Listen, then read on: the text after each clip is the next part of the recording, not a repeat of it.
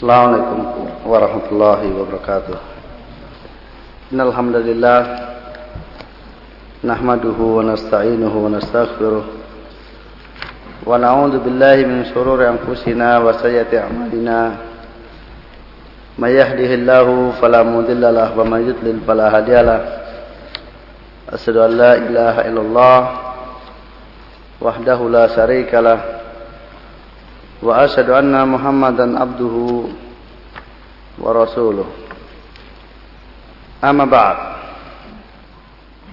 Ikhwah fiddin azallahu ayyakum Kita lanjutkan kajian kita Rebain An-Nawawiyah Kita masuki hadis yang ke-31 An Abil Abbas Sa'din Ibn Sahlin As-Sa'idi radhiyallahu dari Abu Abbas Sa'ad bin Sa'al As-Sa'idi semoga Allah meridainya qal beliau berkata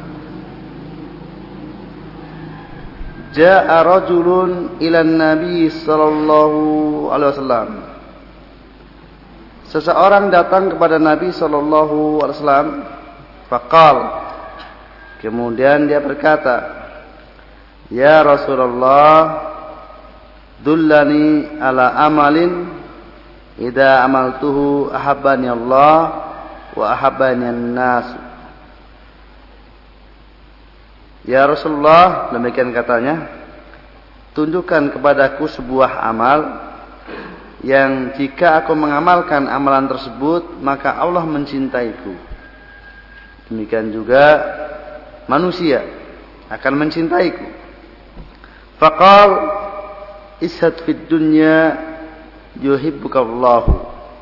Maka Rasulullah sallallahu alaihi wasallam menjawab zuhudlah kamu di dunia maka Allah akan mencintaimu. Washad fi ma'inan nas yuhibbukan nas. Dan zuhudlah kamu terhadap apa yang ada pada manusia niscaya manusia pun akan mencintaimu. Hadisun hasanun Rawal Ibnu Majah wa ghairihi biasani bi biasani biasani din biasani da hasanatin. Hadis riwayat Ibnu Majah dan lainnya dengan sanad yang hasan. Ikhwah fillah sallallahu yakum ini hadis yang sangat penting karena dalamnya berisi landasan atau tips untuk mendapatkan cinta Allah dan cinta manusia dengan resep yang sangat sederhana namun luar biasa kenikmatannya. Di mana tidak ada yang lebih membahagiakan bagi seorang lebih dari kebahagiaan dia hidup dalam keadaan manusia suka kepadanya dan Allah pun mencintainya. Berarti dia bahagia dunia dan akhirat. Di dunia bahagia dengan mendapatkan kecintaan manusia, manusia suka kepadanya, demikian juga Allah suka kepadanya, cinta kepadanya. Ikhwafidinatunallah wa iyyakum. Di dalam hadis tersebut tidak penting siapa sahabat yang datang tersebut. Dan demikianlah maka sesungguhnya juga tidak ada kepentingan untuk mencari. Namun kadang para perawi pun juga berusaha mencari siapa orang tersebut. Namun yang terpenting adalah semangat para sahabat secara umum di mana mereka menginginkan kebahagiaan dunia dan akhirat. Dan hal itu bisa dengan dan mereka yakini bahwa itu hanya didapat dengan amal. Maka mereka bertanya kepada Nabi Shallallahu Alaihi Wasallam tentang amalan tersebut.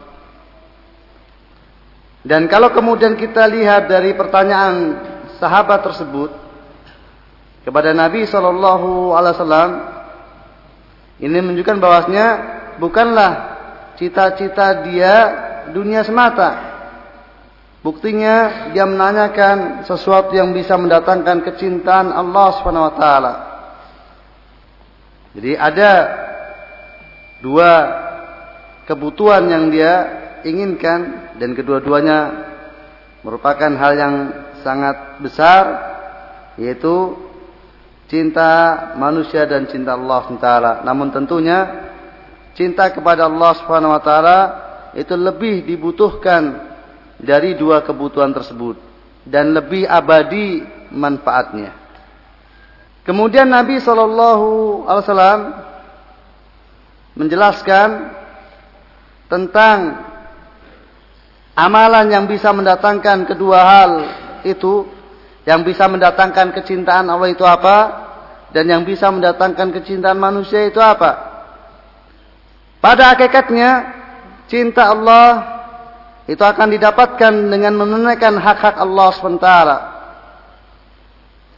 Maka barang siapa yang dia menunaikan hak-hak Allah SWT, maka pasti dia mendapatkan kecintaan Allah SWT. Sebagaimana Allah firmankan memerintahkan kepada nabinya qul in kuntum tuhibbunallah fattabi'uni yuhibbukumullah Katakan jika kalian mencintai Allah, maka ikutilah aku. Ini saya kalian akan dicintai oleh Allah Subhanahu wa taala. Jadi ittiba kepada Nabi sallallahu alaihi wasallam karena nabilah orang yang paling menunaikan hak-hak Allah Subhanahu wa taala. Dialah teladan dalam penunaian hak-hak Allah Subhanahu wa taala. Maka barang siapa yang ittiba kepada Nabi sallallahu alaihi wasallam, maka pasti dia telah menunaikan hak-hak Allah Subhanahu wa taala. Maka barang siapa yang itiba kepada Nabi sallallahu alaihi wasallam berarti dia telah menunaikan hak-hak Allah dan barang siapa yang menunaikan hak-hak Allah maka dia akan mendapatkan kecintaan Allah Subhanahu wa taala. Demikian juga barang siapa yang menunaikan hak-hak hamba dan bermuamalah dengan sesama itu dengan muamalah yang adil dan ihsan maka dia pun akan mendapatkan kecintaan manusia kepadanya dan itu waki'i artinya realita siapa saja yang dalam hidupnya menunaikan hak-hak sesamanya dan dia memperlakukan sesamanya dengan perlakuan yang adil bahkan yang ihsan dengan kebajikan memberikan kebajikan maka dia akan mendapatkan cintanya. Nah, di sini Rasulullah SAW dengan kalimat yang singkat memberikan resep untuk mendapatkan kecintaan Allah Taala. Dan ini sesungguhnya menjadi tujuan utama. Menjadi tujuan utama hidup adalah cinta, mendapatkan cinta Allah Taala. Dan permasalahannya bukan kita mencintai Allah, permasalahannya adalah cinta Allah kepada kita. Kalau mencintai Allah semuanya mengakui. Kulun yaddai waslan bilaila walaila la yukiru bidaka. Semua mengaku punya hubungan cinta dengan Laila. Namun Laila bertepuk sebelah tangan. Hanya tidak mengakuinya. Jadi asaknu laisa antuhibba walakin asaknu antuhabba. Permasalahannya bukan kamu mencintai, tapi kamu dicintai. Sebab kalau masalah mencintai, itu semua mengaku. Oleh karena itu ayat tadi, Qul in kuntum tuhibbunallah turun terkait dengan kaum yang idea bahwasanya mereka mencintai Allah. Kalau mereka memang jujur mencintai Allah Ta'ala, maka buktikan dengan fattabi'uni. Ikutilah aku. Jadi sekali lagi permasalahannya bukan kita mencintai Allah. Kalau itu, itu diakui oleh semua saja. Artinya diakukan oleh siapa pun juga. Kalau ditanya apakah kamu mencintai Allah? Iya. Tapi bukti akan kecintaan itulah pada prakteknya. Yaitu ittabi'uni. Ikutilah aku. Demikian firman Allah memerintahkan kepada Rasulnya Sallallahu Alaihi Wasallam. Jadi diingat ya asaknu laysa antuhibba walakin asaknu antuhabba.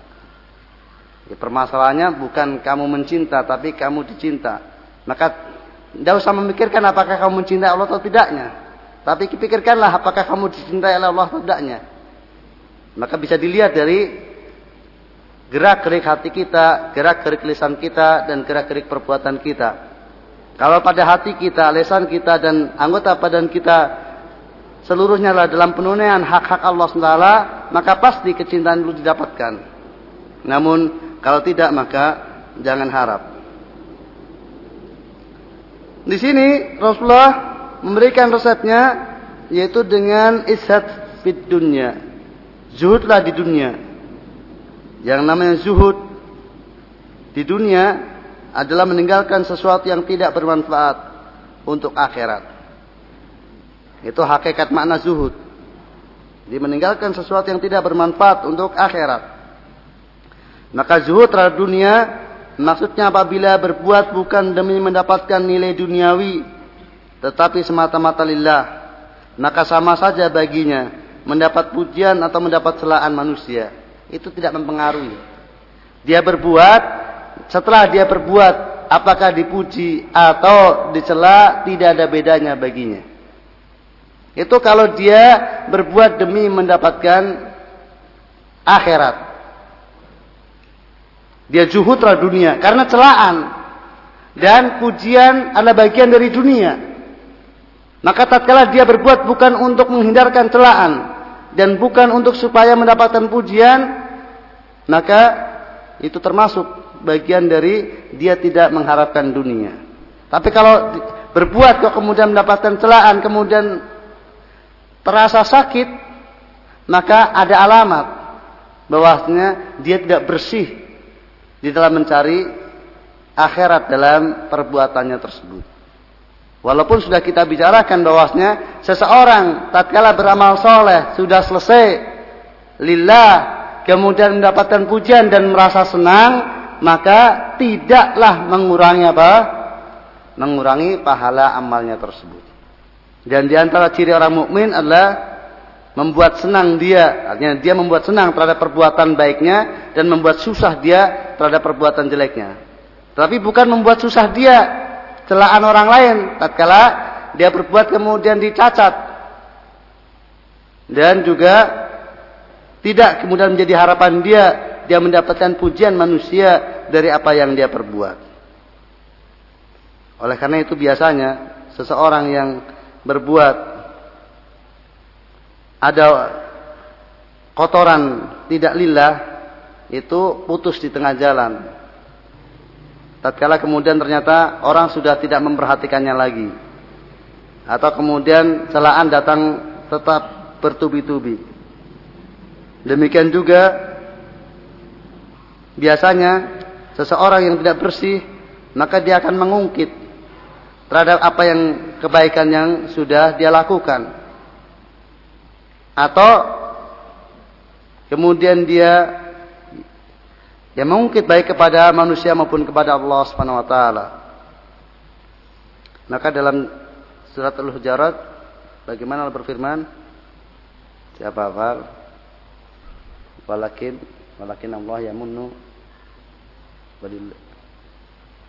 ala an hadakum lil iman Bahkan Allah lah yang telah menganugerahkan kepada kamu untuk beriman. Jangan kemudian kita mengungkit-ungkit. Bukankah saya telah demikian dan demikian? Janganlah kalian mengungkit-ungkit tentang keislaman kalian. Kalian Islam pun karena taufik dari Allah Subhanahu wa taala. Tanpa taufik dari Allah kalian tidak akan mungkin untuk menjadi seorang muslim.